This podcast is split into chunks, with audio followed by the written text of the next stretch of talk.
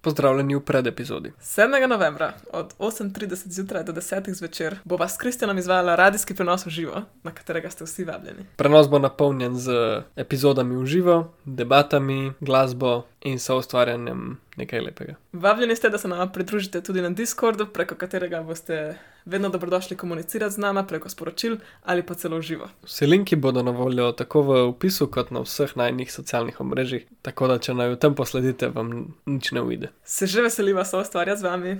Živijo, dobrodošli v podkastu Pot je cilj. Tokratna epizoda je del serije Nova Zelandija, kjer govoriva o stvarih, ki se jih uči van v tej državi. Označena je z NZ. Če mi ta epizoda všeč, poiščite to znako še pri ostalih epizodah. Lepo poslušanje želiva. Ja, ora, pozdravljeni na poti. Živijo. Danes smo skupaj sprehodili po lepotah Nove Zelandije.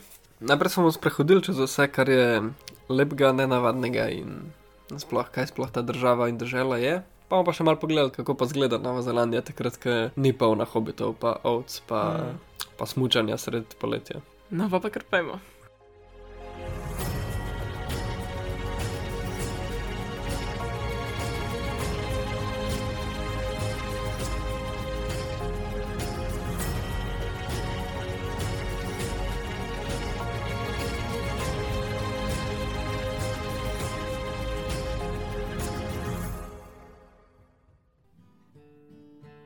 Začnimo na začetku. Se mi zdi, da tako najbolj kot ena ura geografije, pa še tukaj najprej, kako sploh zgleda ta država, tako iz satelita, kaj jo sestavlja vse, pa pa lahko gremo na ljudi, pa običaje, pa bolj stvari, ki smo jih dal gor na te starodavne kamne.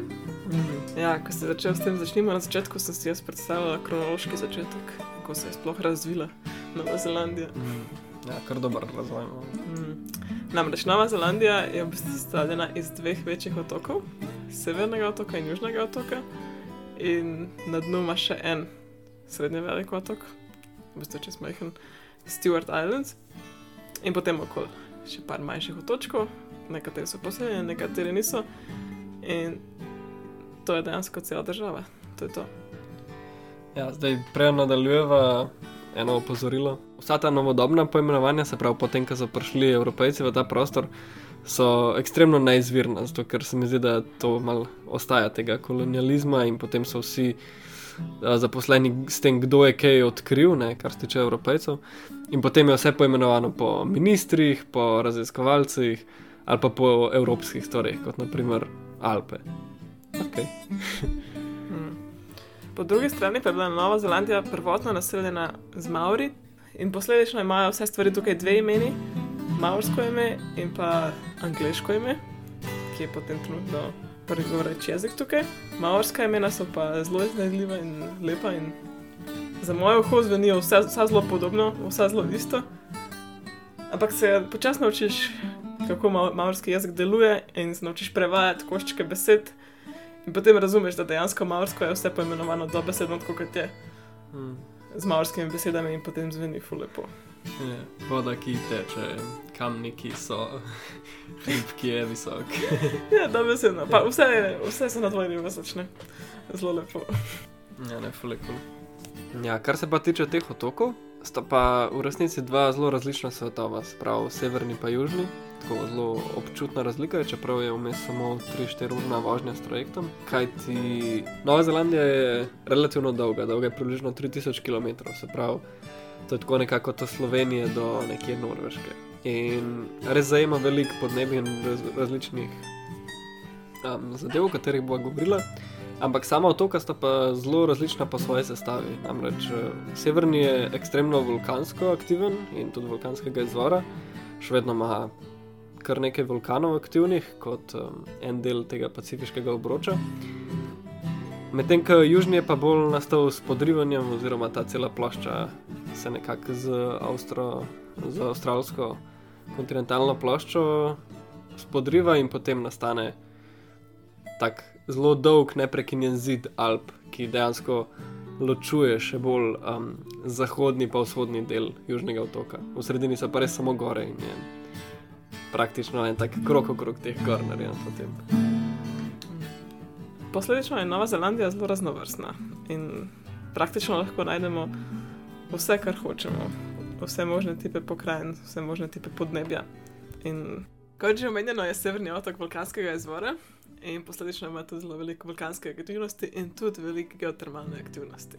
V sredini tega otoka je dejansko eno ogromno območje, polno samih vulkanov in termalnih vrelcev, toplih rek, parečih luken in vse, kar si lahko predstavljate, da spada na geotermalno območje. Dejansko je to eno območje, kjer, kjer se peleš in ker posod vidiš paro v zraku, ki prihaja iz tal. Vidiš rumene zaplate, žvepla okolo, vse smrdi po žveplu. Zelo se čuti ta prisotnost terma, um, termalnih vrelcev. Povsod. Ljudje se hodijo kopati v topla kopališča, ki so čisto naravna. Dejansko imaš reke, ki so naravno tople in tako naprej. Res cel ta severni otok je nekako kar pogosto povezan z geotermalno aktivnostjo in vulkani.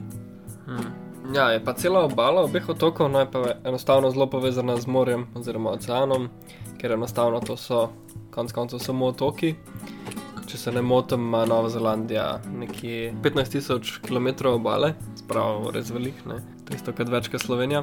In ja, dejstvo je pa tudi, da kjerkoli v Novi Zelandiji nisi nikoli več kot 128 km oddaljen od morja. Tako da res um, bližnji dostop do oceana, na levi strani je to Tasmanski ocean, oziroma Tasmansko morje. Tasmansko morje. ja. Na desno bo pa to enostavno Pacifik. Tako da, Mm. ko pogledaš tja, če je bila zemlja ravna, bi videl Ameriko, drugače pa Amerika res na drugi strani zemlje. Vse je na drugi strani zemlje, Nove Zelandije. Mislim, da vsi, ki so tukaj, to reče. Jaz prihajam iz drugega konca zemlje. Ja, to je res. To je, so vsi pravijo, da je prekrasno živeti na Novi Zelandiji, ima pa samo eno slabo lastnost. Da je na drugem koncu sveta od česar koli hočeš, razen Avstralije. Ja, ful, ful, je fascinantno, ker kdorkoli, um, kdorkoli od Novozelandcev reče o svojih potovalnih izkušnjah. Ja, ja, bil sem zelo malo po svetu, bil sem tako v Avstraliji, pa na Fidžiju.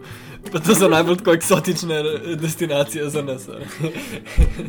Ja, se noro, tle je res tako blizu, ne greš tako za 4 dni na Bali, pa priješ nazaj. No, ne zdaj. Včasih, ja. Ja. Mogoče v prihodnosti spet. No, pa če se vrnemo nazaj na obalo, zdaj, tukaj je ogromno različnih vrst obale, najdeš marsikaj, kar hočeš. Ampak večinoma so pa to take čudovite peščene z unim finim milka peskom obale, milkastim peskom obale, ki se raztezajo čez ogromno zalivov tukaj. In ja, velikrat se samo pelješ ob cesti, ki gre v morju in imaš ta čudovit zaliv za čudovitim zalivom s najlepšimi plažami. In Ena neverjetna stvar je, da imajo tudi plaže s črnim peskom, čez lepim črnim peskom. Ta črn pesek je črn, ker ima noter tudi železo in ostale sestavine in je magnetičen. Če ti pade magnet na tla, se pesek prime na njega. Noro je. Ja, cool. Razen peščene obale, ki prevladuje na severnem otoku, pa lahko na južnem otoku najdemo tudi zelo veliko fjordov. V resnici je cel severni del južnega otoka in pa jugozahodni del pokrit s fjordi. Na dnu eh, južnega otoka so pa letela celo na klife. Tako da res se najde, kar hočeš. Pa to skrat se zgodi dejansko tam tudi na vzhodu južnega otoka imaš kar fjorde, no, prekrajščača. A, ja, ja. ja. Fjordov je res veliko. Ja. Ja, tako se kar zgodi. No. Ampak ja, plaže so pa res v vseh oblikah in, in barvah. In... Veliko se tudi surfa, no, tukaj okrog, uh, ker so take primerne obale za, z dobrimi tokovi. Ne? In pa imaš res pač označen, da tam pa tam, pa tam se surfa, medtem ko kršne obale so pa take, da imajo pa tokove, ne? ker pač spet Nova Zelandija je otok sred morja, In ne samo kar enega morja, ampak tako res svetovnih morja. Ne? In to so zelo tokovi, ki pridejo ob obalo in potem tako lahko kar poberejo. No? tako da na nekakšnih plažah se pač ne smeš kopati, ker je ta undercurrent, no, v bistvu kar tako poklop val na način, da ti stopaš noter, te podere. No? Tako da ljudje so tudi kar že bili povlečeni dol. Ampak je pa tukaj protip, se pravi, če padeš noter, moraš samo pustiti, da te nekje odplakne. Držiš sapo in se prepustiš, in potem si 100 metrov naprej od obale, pač odnešen ven ali pa naprej, ali pa karkoli se zgodi. Ampak ni, v teoriji ni, ni nujno smrtno, ampak pač nočeš se v te situacije ja, dejansko sem se videla znašla enkrat na eni taki praktično zapuščeni plaži, Divji plaži. divji plaži. Tle je zelo velik divjih plaž. In zgleda točno tako, kot to zveni. Popolnoma divje. Nanešena drevesa, nanešene palce, vse možno, nikjer nobenega. In ja, na koncu zvečer se nam je pridružil še en kombi, ker sem jaz spala tudi v svojem kombiju. In nam je domačin, ki je bil tam v tem kombiju, povedal, da je ta, da, ta, na tej plaži, čeprav noč ne piše, se pa ne smeš kopati. Ker te odpelje vse do enega mesta, ki je bil 200 km stran. Tako da ne preveč dobro. Ja, te tokovi so v bistvu še posebej na, na obali s Pacifikom, Ja, kjer pa seveda ta pacifiška obala je pa tudi raj za surferje tukaj.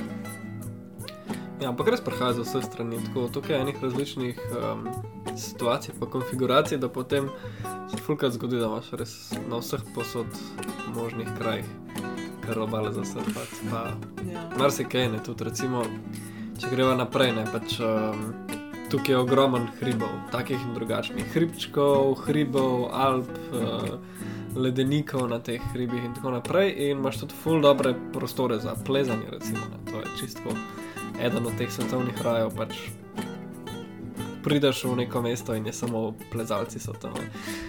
Um, ker so enostavno tako neki prostori tukaj, ki so res čarobni. No. Um, tako da mislim, da nasploh je to res en tak uh, dober prostor za aktivnosti, tako uh, aktivnosti zunaj, se pravi. Hribolazenje, potem imamo tam tudi en kraj na jugu, ki se imenuje Queenstown, ki je v bistvu tak bovec Nove Zelandije, ki se zelo ob enem jezeru odvija, ampak je pa samo žurke, pa avanturistične zadeve, se pravi raftanje. Skakanje s padali, smučanje po zimi okrog na teh hribih in tako naprej. Tako da res eh, ponuja ta raznovrstnost geografska, res vsakršno izkušnjo, no. vsaj kot smo mi doživeli to. Ja, pa če še malo povejo o tej geografski raznovrstnosti. Na južnem otoku, kot ste že menili, je zelo velik gor, v bistvu imajo Alpe. In južni otok je razdeljen na dva dela, na vzhodni in zahodni. In po sredini, malo bolj po zahodni sredini sicer. Od zgoraj do spodaj poteka veriga Alp. Tega je tako ogromno. Ko letiš z avionom čez, wow, najlepša stvar, ne moreš si sploh predstavljati. To je samo tako neskončno, neskončno, neskončno gor, gora zraven gore. Eno ogromno goro je vse skupaj in vse je pokrito z ledeniki. Tudi poletje je pokrito z ledeniki. Ja. Je res čudovito. Zdaj, če malo kle še omenjava, se bo se še verjetno dotaknila tega veliko. Um, Ko gledamo gospodarja prstanov, ne? vse scene razen ene so bile posnete v Novi Zelandiji. In... Kira pa ni bila? Mystery. Mystery? In A. vse te geografske zadeve, ki jih se jih videl v filmu, dejansko obstajajo v resnici. In kakšne so tudi mi dva videla. In res so, to so neverjetne za videti. To so razni, ne vem, ledeniki, ki potem dol slabovi tečejo, pa kakšne kotline, doline, planote, gore, kaj pa vem, kaj vse. Ampak je tako tok noro to uživo videti, sej samo po sebi ni nič tazga, ampak tako v tem kontekstu prostora je pa ful, ful nerealno. No? Ne vidiš tega v, recimo v Evropi, ker enostavno nimaš samo ničesar. Tukaj tudi recimo mesta okrog Alp so zelo redka, zato ker tam pač nič ni. Nič se ne dogaja, nič ni tako ekonomske aktivnosti, zato tudi ljudi je malo tam. In dejansko ostaja narava zelo, mm, rečemo temu, neokrnjena, ampak sam na način, da pač ni mest, ni neke eksploatacije, ampak samo da ti priješ do Alp, ne recimo do Mount Cooka, do najviše gore, skoraj 4000 metrov visoke, uh, se res furaš, koliko je, enih par sto km, par ur iz kakšnega tako res zanimivega prostora, kjer bi lahko pač živel, pa ustvaril. Pa tako. Vse imaš neke naselbine, ampak ni to tako mesto, to je bolj tako vas. Ja, ja. Tako da, res, ko priješ tja, si pač v srednji česar. Včasih imaš signal, doskrat ga nimaš. Večino časa ga nima. Eh, Po drugi strani je pa severni otok veliko bolj poseljen kot južni Mhm. in tudi nima to gorovja, nima nobene zares gorske verige. Eh, Edine gore, ki so, so vulkanskega izvora in so pravzaprav vulkani. In Ja. tudi tehnik, ne, ne vem koliko velik. Tako da je popolnoma nasprotje, ju, popolno nasprotje južnemu otoku. Tudi veliko bolj poseljeno, tle so veliko večja mesta, veliko več jih je. In ja, je bolj osredotočeno, kot že omenjeno, na te termalne aktivnosti. mm. In severni otok, kako smešno se sliši, je mnogo toplejši, ker Nova Zelandija je pod ekvatorjem in je vse obrnjeno na glavo. In ko greš na sever, greš na toplo. Mm. Ja, pa fulje zanimivo, pa tudi z morjem pride tako podnebje. Ne? Se pravi, nisem to, da je morje okrog. Morje povzroča to, da v resnici nobena zima ni za res huda. Pač huda zima je v gorah, pa huda zima je zelo na jugu, takrat, ko v bistvu prideš čez Mm. 45 usporednik, čez 45 stopinj južno.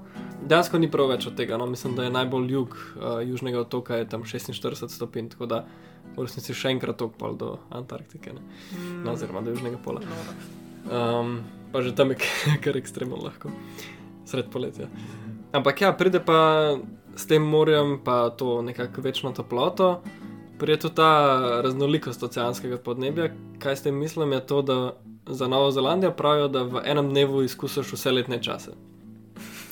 kar je čisto res. To je vedno res. In če si sred poletja, po noči je mrzlo, kot da si pozim, nekje zvečer ali pa zjutraj, ko se obrne, je full vetra, mogoče pada dež, pol, ko sonce sije, je full, full vroče in tako naprej. In ena od stvari je, da je zelo pogosto vetrovno. Ni, ni to ena stvar, ki se zgodi, da full veter piha, ampak kar pričakuješ.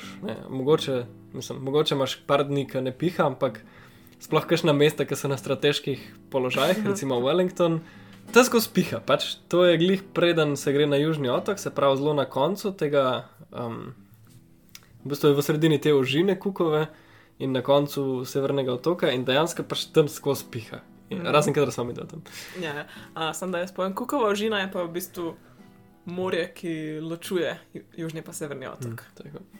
Ja, no, tako da veter je ena tako zelo pogosta stalnica, ki pa potem sabo prenaša tudi veliko vlage. Sprav, držuje zelo pogosto, sprav poleti manj, valjda, ker je bolj toplo in tako naprej. Ampak, ja, dež je pa absolutno tako.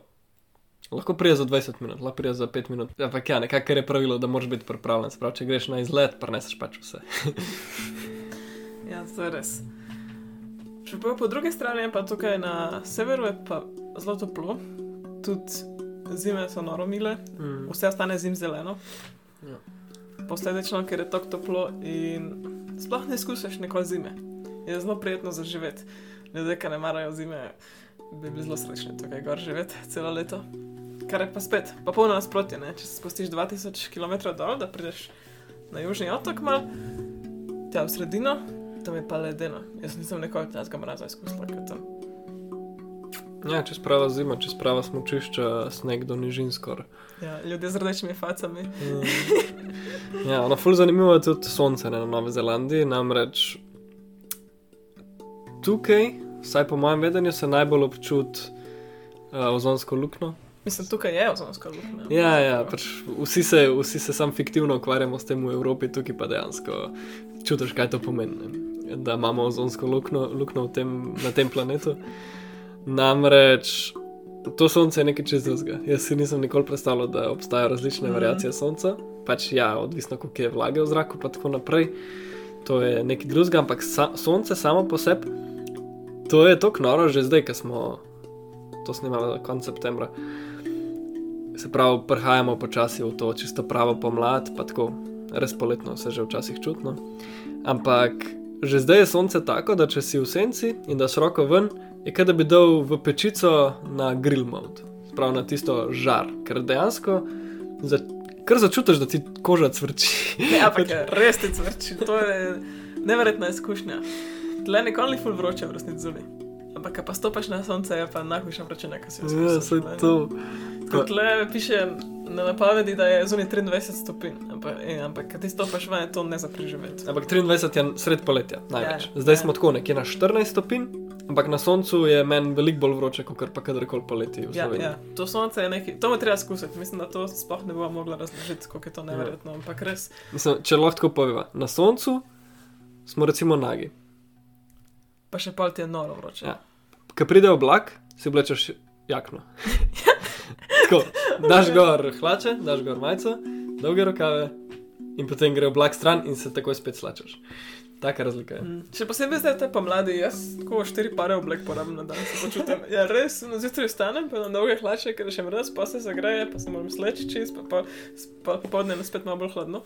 Res je tako, res rabiš čebulne sloje. No, da, Ja, ja. ne drugače Prav, prav danes smo bili isto, ker um, je sonce šel dol. ve- Ah, ok, noče. Zapremo Obleke. okna, Ja. držimo toploto noter. ja, ja, res je, čist noro, čist noro. Ja, in noči so pa zelo mrz, mrzle. Ne?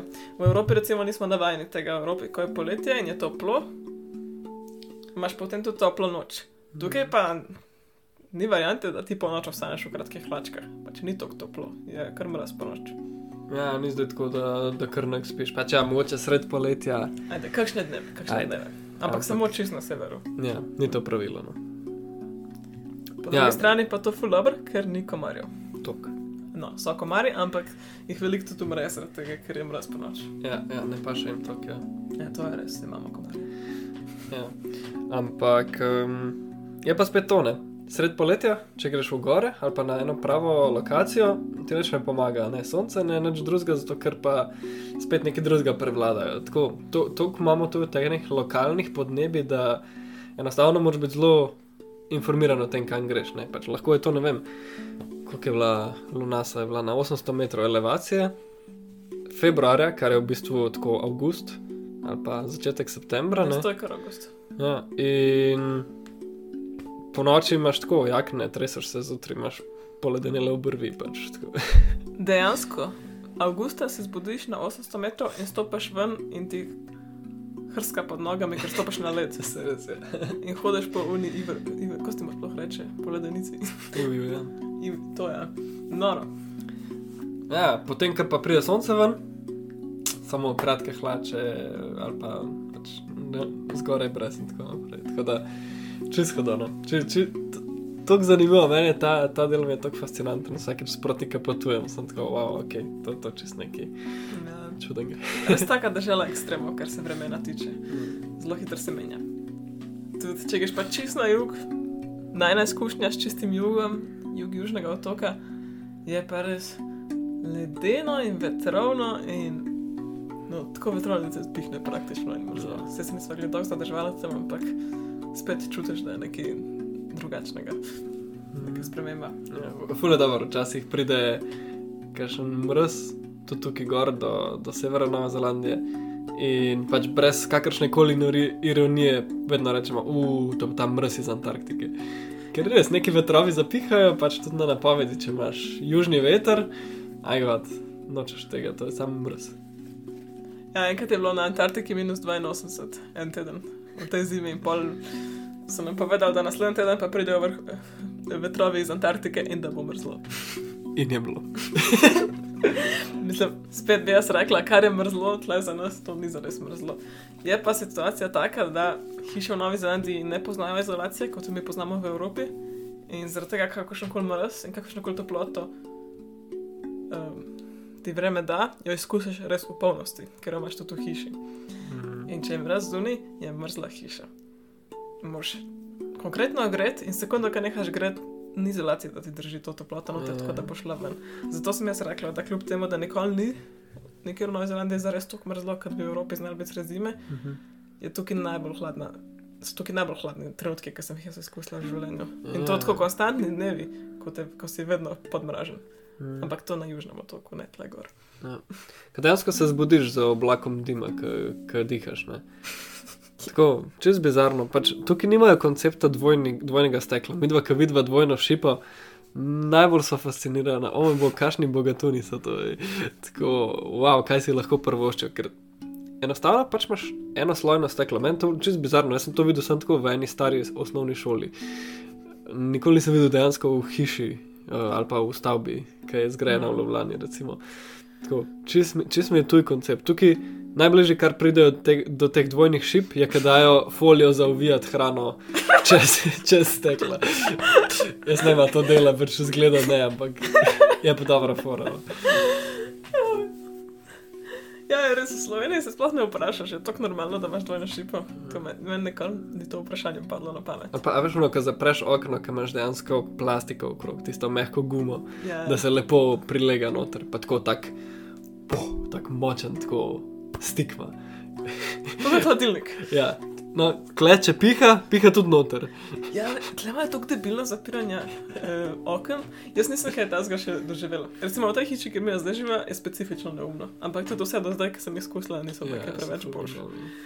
Res je, tudi gradna hiša čez drugačna, čez nepričakovano drugačna, človek predstavlja. Tako da z, posledica tega je, da si zelo v stiku z vremenom. Kakšno koli vreme je, ti boš čutil, ne glede na to, ali si noter razumel. Ja. Zato me fascinira, kaj si ljudje zberejo živeti na južnem otoku mm. čez zimo. Fascinantno, fascinantno. Če niso ja. bogati, jih preveč. Tako, res, wow. ne imaš pol flus stroškov ogrevanja, ali pač sam, mislim, se vem kako je, živijo z jaknami noter, sem, se, pač, sem že bil ja, v teh ja, hišah. Ja, pa jakne ja, pa kapah, pa to. Sam, to je pa depresija, če se me vprašaš. To smo živela dva meseca, zato smo hotela ven iz države. Ja. Oba sem postala tako. Depresija je dobra beseda, ja, malo depresivna že. Oje, pa če se pa premaknemo, mogoče malo od vremena, še k rastlinstvu in naravi. Kako je vreme zelo raznoliko, je tudi rastlinstvo.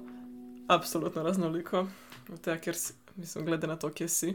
Tukaj na vrhu severa je takšno čisto subtropsko podnebje, imamo tudi subtropske rastline, posod so tako deževni gozdovi, sicer deževni gozdovi na novozelandski način. In... Ja, taki subtropski, ne zelo vlažni, ampak so pa zelo zaraščeni. Ja, no, kar sem hotel povedati, je to, da dejansko tukaj raste zelo drugačno in te tropske gozdovi ne izgledajo tako kot kjerkoli drugje na, na svetu, ampak imajo recimo praprote v obliki palom. So gozdovi polni palom, ki so v resnici praproti. In vidiš monstre, rastejo kar posod, normalno. Vidiš taka nora, neverjetna drevesa, ki ne obstajajo nekje druge na svetu. In Mhm. imaš vse od jurskih parkov do čist navadnih evropskih gozdov, do tudi dejansko peščenih sipin. Imaš čisto vse res. Hmm. Ja, mislim, zdaj spet ful dobro črta se lahko poveže med severom in jugom. Se pravi, ko si dol na jugu, kar se najo tiče, to je zelo domače. No. Pač imaš ta. D... V resnici je žalostna zgodba, no, ker kaj se je zgodilo v zadnjih 200 letih na Novi Zelandiji, je to, da vse, kar je bilo avtohtonega ali pa vse, kar je bilo včasih, ne, so enostavno posekali. To tako zgleda v praksi, da pač vidiš celo goro, ki je enostavno razgaljena, oziroma čist brez česar koli, razen včasih ima pač neko novo zasajeno rastje gor, neke borovce ali pa kaj tasga. Mm, pa smreke zelo veliko Smreke, sedijo, ja. pa mislim, smreke čisto industrijsko sedijo. Ja, saj to. Ne sedijo, se to delajo gost, ampak sedijo, da jih bojo posekali čez 50 let. Ja, ne, tako da pol v bistvu, ko se furaš, ne vidiš gozdov, ampak vidiš samo pač nasade dreves v različnih stadijih, kar je kul, cool, ampak v resnici je ful žalostno. In kaj se pa to pozna, je, da pač na južnem otoku, ja, no, kot sem rekel, zelo je, zelo je tako domače, ker enostavno uporabljajo vrste, ki so pripeljane iz Evrope, zato ker so malo bolj um, industrijsko ustrezne, malo lepše rastejo, medtem ko avtohtone vrste Nove Zelandije so pa malo bolj ali dolg časa rabijo, da zrastejo, ali pa rastejo v takih čudnih konfiguracijah. ne rastejo glih tako ravno ena zraven druge.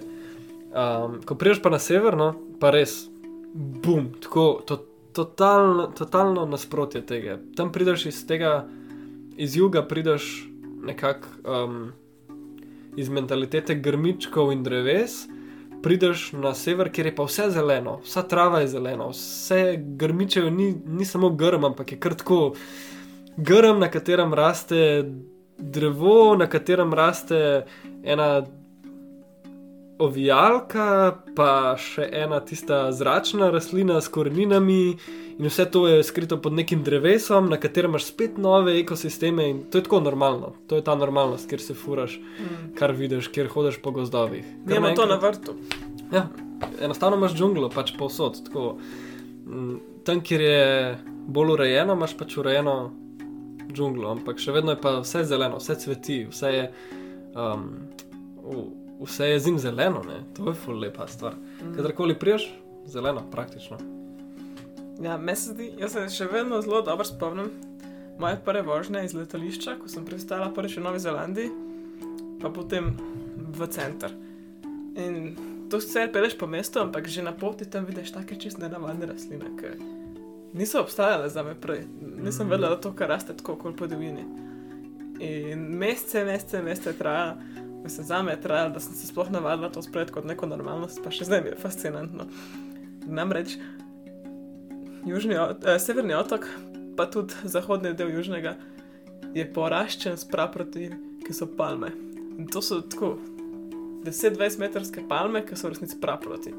Čist neverjetno zgleda, sem še dinozaura, da boš zraven.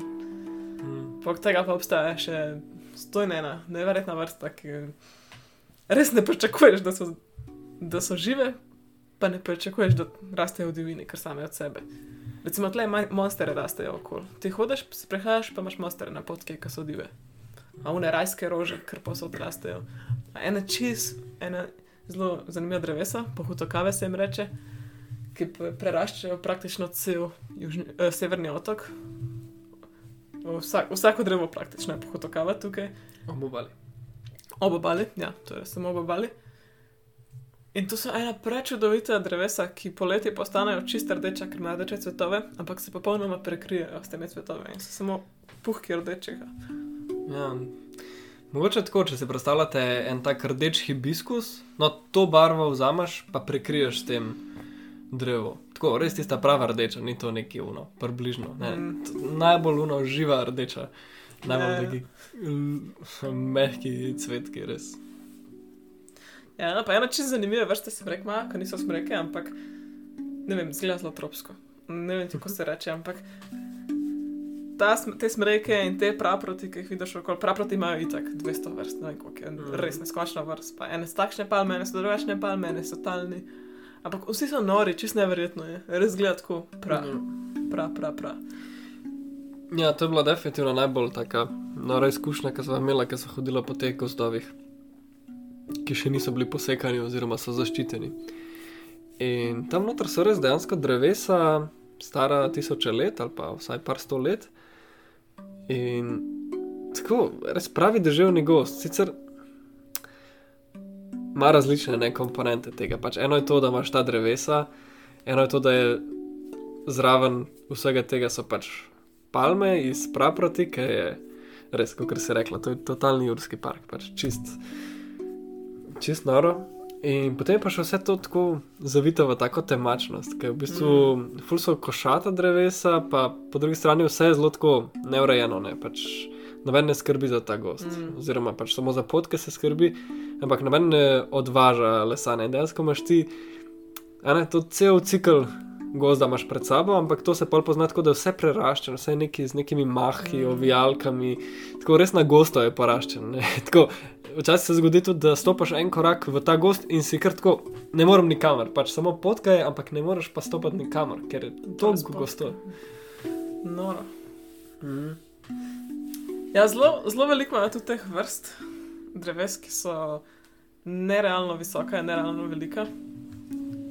Ena je tudi, ena je tudi zelo znana tukaj, vsi jo poznamo, zaradi tega, ker trenutno napada neka gljiva, imenuje se Kauri in to so ogromne, take sekvoje, novozelandske praktično, sem da niso sekvoje, Mm. ampak Niso zdaj 100 metrske, ampak so pa tako zelo mogočna drevesa. No. ja, pa zelo široka. Ja, ja. Zelo, zelo, res noro. In mi, da recimo, smo bili tudi v enem gozdu, ki- kot si ti omenil, so tisoč let stara drevesa in to so, wow, to je og- ogromne višine. Tako da res, tle, žalostna realnost je sicer to, da vse, kar ni zaščiteno, pa vse, kar je dostopno, se pravi, ni na nobenih zelo hribovitih območjih, je posekano, ker je v privatni lasti in se uporablja za kmetijstvo. Tako da, če nisi naletel na nek zaščiten del, ne moreš najti teh čudovitih, čudovitih starih dreves in dejansko te avtohtone narave, kot je Kristjan že prej omenil. Ampak ko pa to najdeš, je pa res posebna izkušnja. In tudi ko, ko si v takih gozdovih, ko si v taki naravi, ko se sprehajaš, vsakih 10 minut se zamenja realnost. Gost se totalno spremenja vse čas. Ti hodiš, ta trenutek imaš takšna vrsta dreves, potem boš prišel v neko ob, ob, območje grmičeva, potem prejš naprej čist neki noga. Zelo hitro se spremenja realnost gozda tukaj. Ob teh drevesih, teh tisoč let starih, je bilo meni še nekaj ful fascinantno. In to, in to je dejstvo, da preden so prišli ljudje v Novo Zelandijo, zdaj spet ta zgodovina je rahlo zmedena, netočna, oziroma prikrita, ali pa samo neraziskana, ali pa neugotovljiva. Kombinacija naštetega. Ja. Se pravi, ljudje so tukaj bodi si 800 let, bodi si več kot 800. Sprav, nekatere zgodovine sežejo pred leto 1000, potem spet drugi pravijo, da so Maori prišli tam v 13. stoletju, če se ne motim. Potem so pa prišli Evropejci, ali manj kot 400 let nazaj. In kaj se je zgodilo pri prihodu ljudi na te otoke, je to, da so najdel popolno divjino, popolno divjino, v kateri so bile rastline in so bile živali, ki niso imele instinktov, da se morajo bat v resnici. in to je izgledalo tako, popolnoma noro. Ne. Tukaj so živele vse žive vrste, ki jih nikjer druge na svetu ni bilo, itak. Ampak to je bila zadnja nekako odkrita, odkrita država, tako da mogoče govorim iz tega bolj vidika. Uh, da vse, kar je bilo druge že izumrto, tukaj je bilo samo tako, res cel novi svet, to pač totalni jurski park, odkrit v času ujet. In takrat se je začelo to, da so dejansko ljudje imeli ful. Mal problemov loviti te živali, pa pojesti. In kaj se je pa zgodilo, ne? še ko so evropejci prenesli posume, zajce in ostale zajedavce, ki pomagajo vrstam izumirati, je to, da zdaj je veliko vrst izumrlo, veliko ptičev, ptiči so nasplošno znamenitost Nove Zelandije, enostavno ne obstaja več. In tudi to se tako pozna, da hodite ob tistih starih, starih drevesih, v teh noro, globokih in prelepih gozdovih. Vse, kar slišiš, je čričrijanje, samo neke žuželke ali pa neki škržati, karkoli že to je, se pač oglaša, ampak ne slišiš pa ptičev, ptičev slišiš pa zelo malo. In to je ta trenutna sedanja slika, je pa to, da so se v bistvu posumi, ki jejo ptiče jajca, tokrat spasili, da gozdovi so enostavno utihnili, nimajo več te komponente ptičev ali pa živali kot takih. Ja. Če še malo obrazloživa, v resnici avtohtone vrste tukaj so večinoma ptiče, kot je ti rekel. Mm. Tako da meso tle tisoč in eno vrsto ptičev. Pa eno vrsto sesalcev, ja. ene topire. Ene topire, ki so praktično ptiče tu. da, to je približno edino, kar Nova Zelandija od živalstva sploh imela. Predtem niso pa imeli nobenih kopenskih sesalcev, nobenih plenilcev, ki bi dejansko te ptiče jedli. Tako da te ptiče so mm. živele res v popolnem miru, tako raj na zemlji za ptiče. Edini sesalci, ki so še obstajali v Novi Zelandiji, so pa morski sesalci, se pravi kiti in delfini in pa ja, kopenski netopiri. Zaradi tega pa tukaj lahko najdeš še Jurskemu parku primerno, prastare plazilce, dinozaure in to so tuatare. Hmm. In to je res ena vrsta živali, tako polmetrski, še manjši, mogoče plazilc, ki se ni spremenil že v dobe dinozaurov, pač on je dejansko že večji dinozaur. Genetsko je pač tako, ker je bil tako. To je kot ginko, no, kot drevo, tako živi fosil, enostavno se imenuje. In če se noro, ker te živali so zelo posebne, imajo dejansko tri, tri oči tri oči. In tretji je točno tam, kjer imamo ljudje tretje oko, samo da oni imajo dejansko tretje oko, ampak imajo kožo čez zaraščeno. Ja, in ga uporabljajo za senzoriko svetlobe. No? Čisto noro, dejansko imajo tri oči, ful, ful zanimivo. Ja, no. ja te to, ta res res nore. Pozdravljeni v skrivnem zvoku. Če veste, kateri zvok je to, nam lahko napišete na Instagram, Facebook ali Discord. Vse linki so spodaj. Kdorkoli ugane prvi, ga čakajo čudovite nagrade iz Nove Zelandije.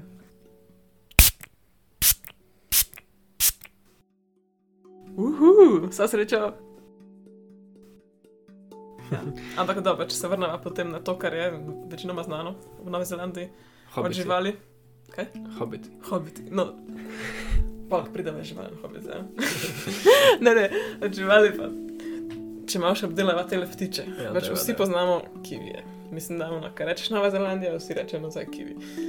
In dost smešno je to, da kivi se, besedo kivi se tle uporablja za velik stvari, za žival kivi, za sadež kivi, pa tudi za ljudi, ki se jim reče kivi. Pa verjetno še kaj. Pa vsaka firma se imenuje kivi neki. Ja, ja, to pa je tudi res. Kiwi Vse company, kiwi, kiwi this, kiwi, kiwi that, kiwi insurance, kiwi.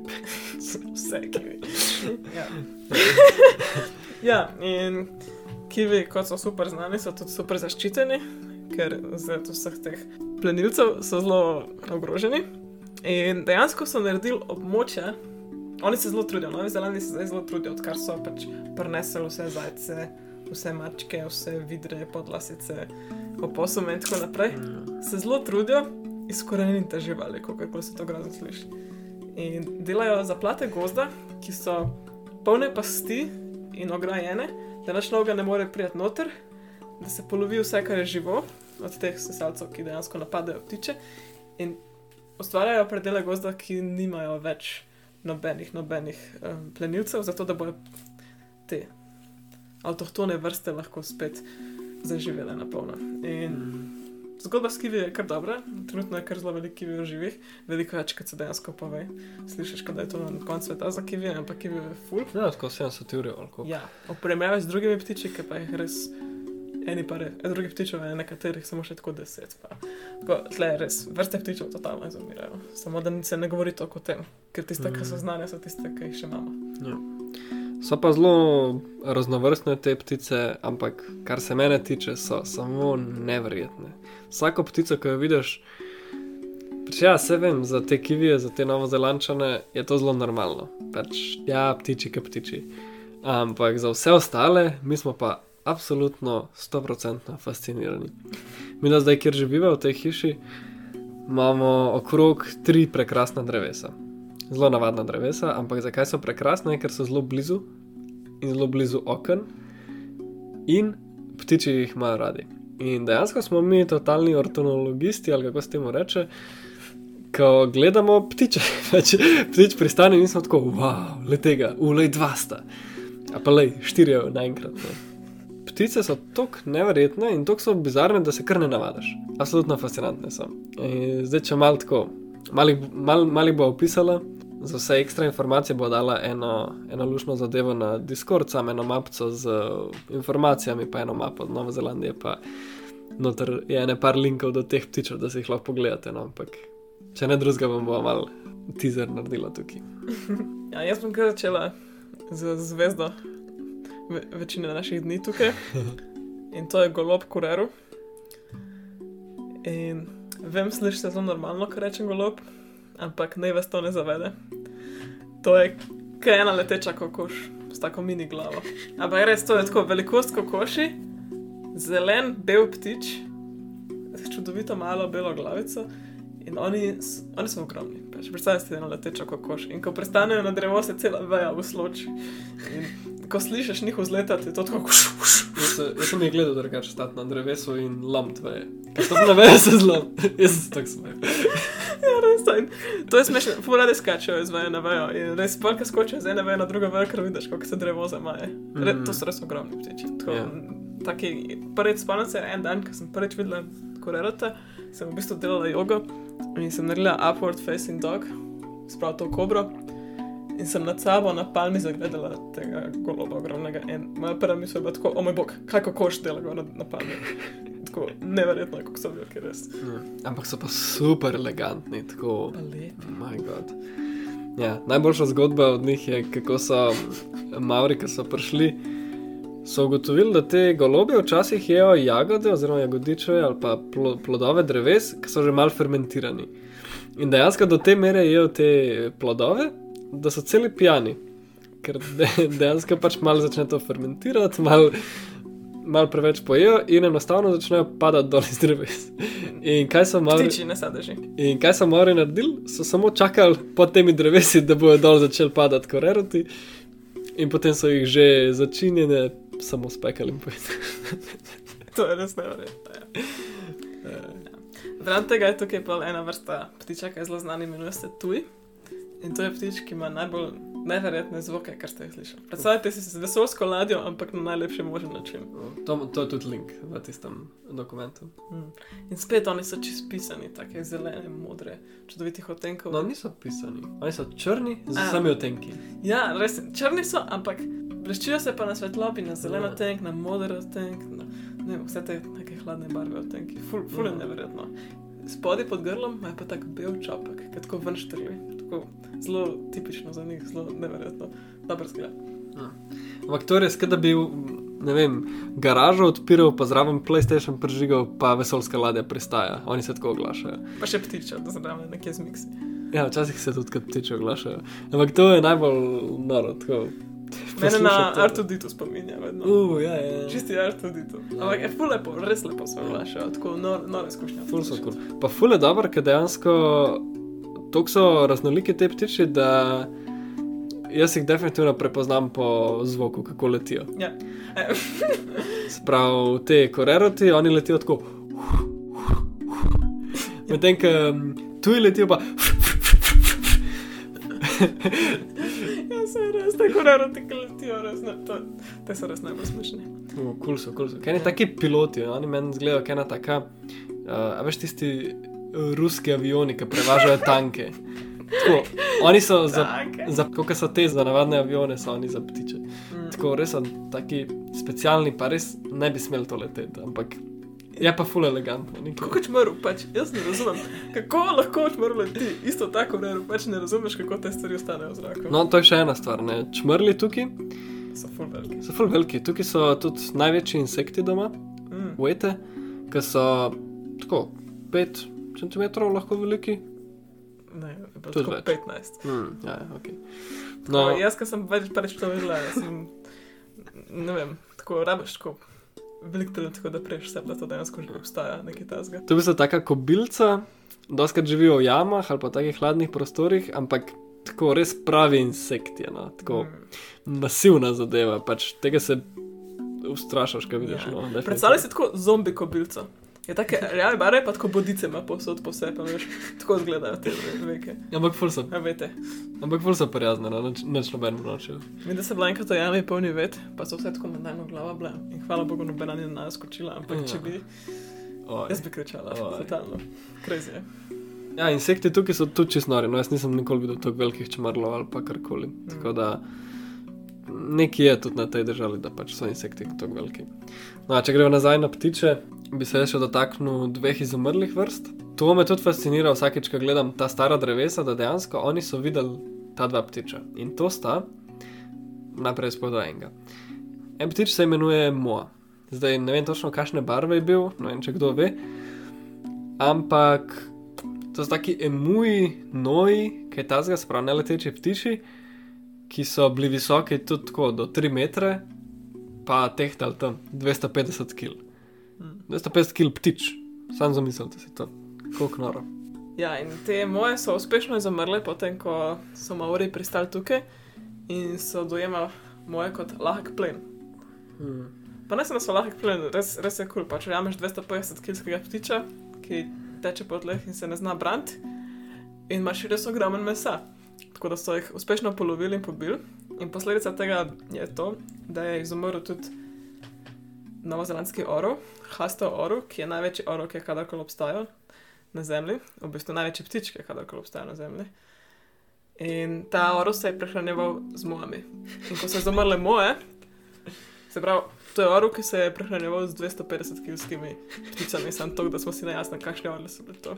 Tako Lord of the Rings orle. In ja, ko so izumrle moje, so, posled, so posledično izumrli tudi orli. Maorske legende pa pravijo, da so te orle bili tako strašni, da so recimo prišli pa otroke vzeli. Preleteli so, pohapsili otroka in ga pojedel in odletel z njim. Hmm. Še zanimiv podatek je, da njihov razpon kril je bil več kot 3 metre. Hmm. Ja, se recimo kondori v, v Andih imajo podoben razpon kril, ampak niso niti približno tako masivni, pa brutalni. Noro je, rada bi to videla enkrat. Kakšen je mogel biti to svet tukaj prej? No, Meni doskrat pride na pamet, no, ko govorimo o teh vrstah, ki so izumrle, pa kaj si rečemo tako, kakšen bi to bilo. Želim si, da bi ljudje cenili to, kar pa imamo zdaj, ker mogoče, nekdo, mogoče bo nekdo sedel tako le pred mikrofonom čez sto let, pa bo rekel: Wow, predstavljaj si, da je nekdo dejansko videl leva ali pa kondorja ali pa karkoli, kaj je danes zaenkrat še, ali pa žirafo, recimo, ki zaenkrat še samoumevno, no, čistko. Mm. Povabilo, še vedno imamo full velik norih živali. Ja. Če stanemo pri Novi Zelandiji, tukaj imajo tudi edino gorsko papigo, keo. Ah, ja. In, in to, je, ja, to je dejansko alpski papagaj. On živi, fule velik in fule pisan, kako se spodob za papigo, ampak na tak rjav način pisan. Ja, ampak to je tako konkretna papiga, ni taka tisti mali kanarček, ampak to je bolj tipa sova, recimo. Tako en sokol, pa tega. Ja, Ja, ja, ja. res velik. Ja, pa so zelo velike, pa zelo tako močne. One kar razbijajo stvari, pa uničujejo avte, pa Ja. uničujejo telefone. Tako, zelo Ja. močne ptice. No. Dejansko je to ptica, ki je zelo pisana. pač, ja, mogoče rahlo tako bolj rjava, pa tako. Ampak imaš dve vrsti, no, ena je kaka, ena je pa kea. Obe kea in kaka sta dejansko, ko odprete kri- krila, sta popolnoma pisani, kot pravi papagaji, oranžne, modre, zelene barve. to je absolutno fascinantno, pač gorske papige, pač, halo, kako dobro. ja. Pa le še ena fulabra fora, klena v Hikiju imamo ene papige, za katere še ne vejo točno, ali so avtohtone ali so bile prenešene, iz, ki so iz Avstralije prihajajo, ampak ne vejo, ali so jih ljudje prenesli ali so one preletele sem. In so absolutno neverjetne. To so čist prave papige, dejansko pač. Kaj iz živalskega vrta, no, kaj ne rečem drugega. Rdeča glava, modro perje, zeleno perje, rumeno perje. Tako, vsi otenki gor na enem ptiču. Pikice, črtice. Tako hodiš po otoku in kar okoli tebe letijo. Greš ti res igrati in okoli tebe so te papige posod. Ja, ja. Tukaj čez okno včasih preleti. Mislim, Mm. vidim ven čez okno te ptiče včasih. Noro, noro mi je živeti v kraju, ker pisani ptiči letijo okoli in to je normalno. Ja. Moja najljubša vrsta ptiče je pa pivaka vaka in to je pa lokalna sinička. Ampak je super cute. Ker nima tazga normalnega repa, ampak ima repa, ki je, pahlja, ima rep, ki je pahljača. In se tako kot pavov rep odpre, ima celo, sicer ni to klepka pavov, je tako belo črno rjav, ampak je tako cela pahljača zadaj, zgleda tako čudovito. In te pivake vake se hranijo z insekti, in ko se ti premikaš po travi, veš, če se dvigajo insekti, mi sicer ne vidimo, ampak pivake vake pa jih.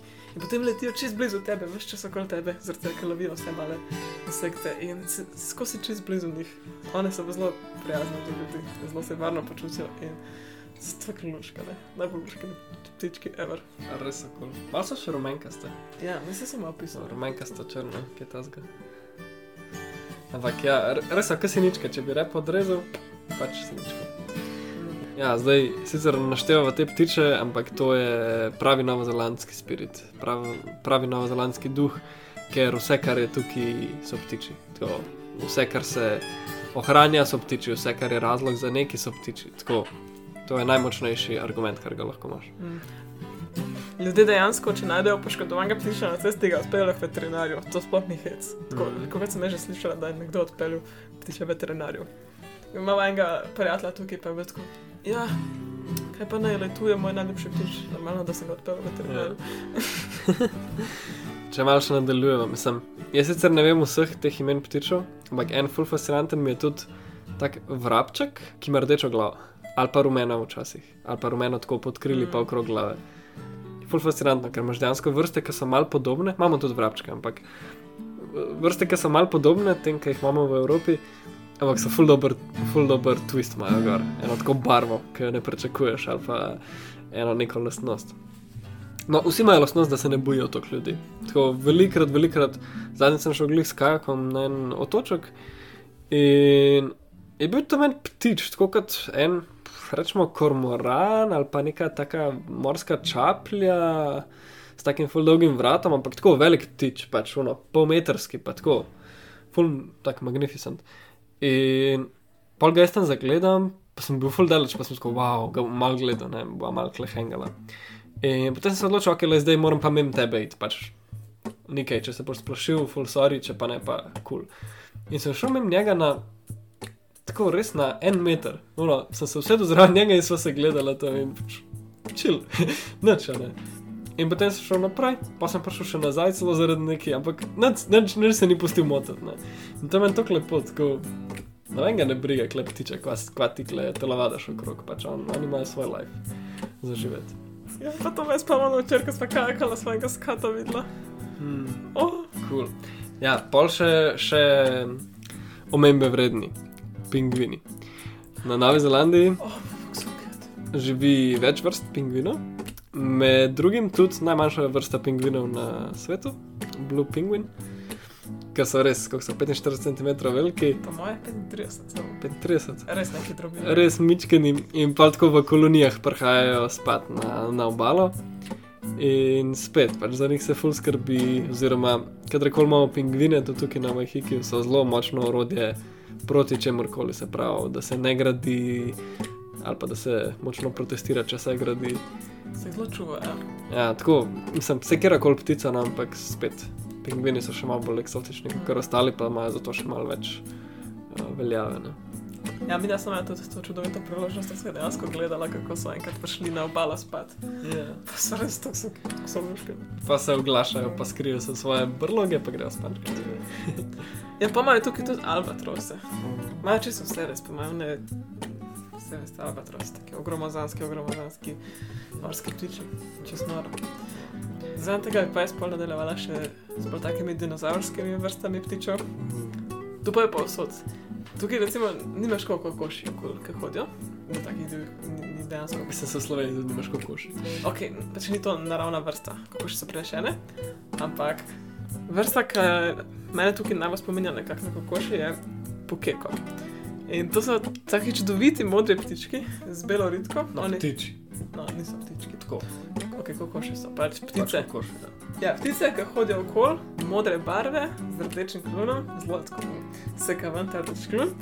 In imajo črn repek in spodaj belo ritko. In ko oni hodijo, več čas migajo s to ritko, vsakeč vidiš ta belo, fule nuškano. Ampak to je res, kaj je dinozaver spet. Tiste noge, čiste prave dinozavrske, hodijo okol, čez neverjetno. Tlele se sprehodiš, sprehajaš okol po vajhikju, polhno teh. O, pa furaš, pa vse to. Ja, tleh imamo okoli hiše milijon, ful so lepi. Sam da letijo, mislim, kako košiček. Ja, kadar zletijo, to je pa največji parti. Vedno se ful oglašajo, ker sam letijo v nujnih situacijah, na njih to njihovo naravno stanje. Tako da vidiš, da je res šok, tako tiste noge binglajo dol, pač da. Ampak le, letijo in hkrati se sprehajajo okrog in brigajo jih. da- Ja, v isti kategoriji je pa še Wake, ki malo manj, sprav, pokeka je malo bolj um, v teh močvirnatih področjih, potem ko so mangrove pa tako. Um, Medtem ko Wake malo bolj taka gorska, gorski dinozaver, ki so to prvič videla. Jaz, jaz sem pol ure samo to, s to Wake hangu. Ker dejansko to so tako noge, popolnoma dinozavrske. Vse vem, kure imajo včasih tako malo dinozavrske noge. No, zdaj pa dajmo to narediti res take velike, masivne, mestne noge, prave dinozavrske. In potem na vrh tega daš kokoš, čist ista velikost, samo malo bolj elegantna, pa malo bolj, um, malo bolj počesana ta perja, pa malo bolj temna. Ampak njen klun je pa spet totalni dinozaver. Tako oči in klun je Či. tako pterodaktil, mislim, vem, da je pterodaktilni dinozaver, ampak tako te, te, tega tipa, pač res dinozaverski, absolutno noro. Ja, oči so čisto fascinantne. Kako te, kako te gledajo te veke, ki od drugega sveta. Ja, moram reči, da zdaj, ko poslušam to najno pripoved, se mi zdi, da se uspešno spremenjava v, v kivije. Enkrat to zelo opevava ptiče, kada so domačina. Ampak, ej, t- še vedno, marsikaj sem se že navadil, ampak to me pa še vedno fascinira. Ptiči me pa še vedno vsakič znova fascinira. Ja, res. Sem že prav razmišljal, da bi si kupil fotoaparat, da jih lahko snemam, to ki jih pa loviš, ki imaš zbirko Pokémonov. Ja. Ej, noro. A imaš še kakšnega za na konc? Mislim, ptičev je še neskončno, neskončno, ampak zdaj smo obdelali tako. Vsaj tak, približni začetek tega, Ja. da so dobili, da je to velika tema Nove Zelandije. Ja. Tako da, kakšne slike bomo vključili v tisti dokument, pa si jih lahko poklikate, pa malo se navdušite, kaj sploh obstaja na tem svetu. Vse. V bistvu se zdaj spomnim, da eno sto kola, ki izumirajo, ki jih je tako sam še nekih 30 jih je, še na celi Novi Zelandiji. Ampak to so stokoli, ki imajo takšno moč, da če se jaz prav spomnim, večina ti lahko tako preletijo in ti razbijajo lobanjo, če ti preletijo s klunom v glavo. Skoro kar veliko na jugu, ali? Ja, stokoli, kar vidiš. Sokole in sokolčke. Pa fazane. Fazanov je pa Fazani tukaj. skoro kafuraš se tam pokolo, pa fazani pisajo. Tokih je, včasih kar skočijo na cesto. Pa. Ja, ptice je res veliko, no. Mislim, da ste dobili feeling. Ok, tole je bil konc prvega dela, Eh, z naslednjim nadaljujemo že naslednji teden. Čeprav ni bilo planirano, se je raztegnilo več kot en del. Ampak upam, da ste uživali vseeno. Se vidimo prihodnji teden. Čau, čau. Hvala, da ste poslušali to epizodo. Če vam je bila všeč, pustite komentar ali oceno, vedno pa se lahko naročite tudi na naš kanal. Tako nam boste pomagali doseči vse, ki rabe slišati ta sporočila. Hvala za to. In če imate kakšnega prijatelja, prijateljica, družinskega člana ali kogarkoli, ki veste, da bi mu tole koristilo, prosim, delite z njimi. In skupaj bomo ustvarjali boljši svet. Mm. Veliko ljubezni vsem, Čau, čau. rada vas mava.